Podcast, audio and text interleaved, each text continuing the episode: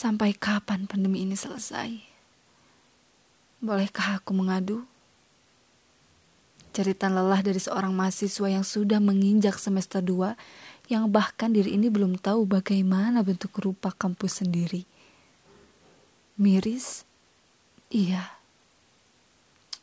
Ditemani temaram cahaya serta tak luput secangkir kopi yang menemani diri ini di malam hari menunggu kepastian yang tak pasti menjadi santapan jiwa yang sunyi.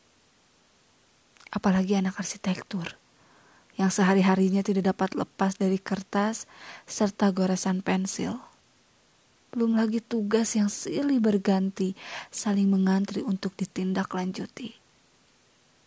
Mau tidak mau, harus tetap selesai tepat waktu walau istirahat menjadi taruhannya.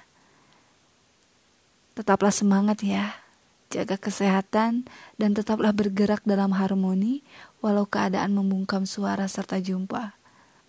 Meski pandemi ini belum tahu pasti kapan akan berakhir, tapi ambil hikmahnya dari kejadian ini bahwa sehabis hujan datang akan tiba pelangi yang siap menyambutmu untuk tersenyum lagi.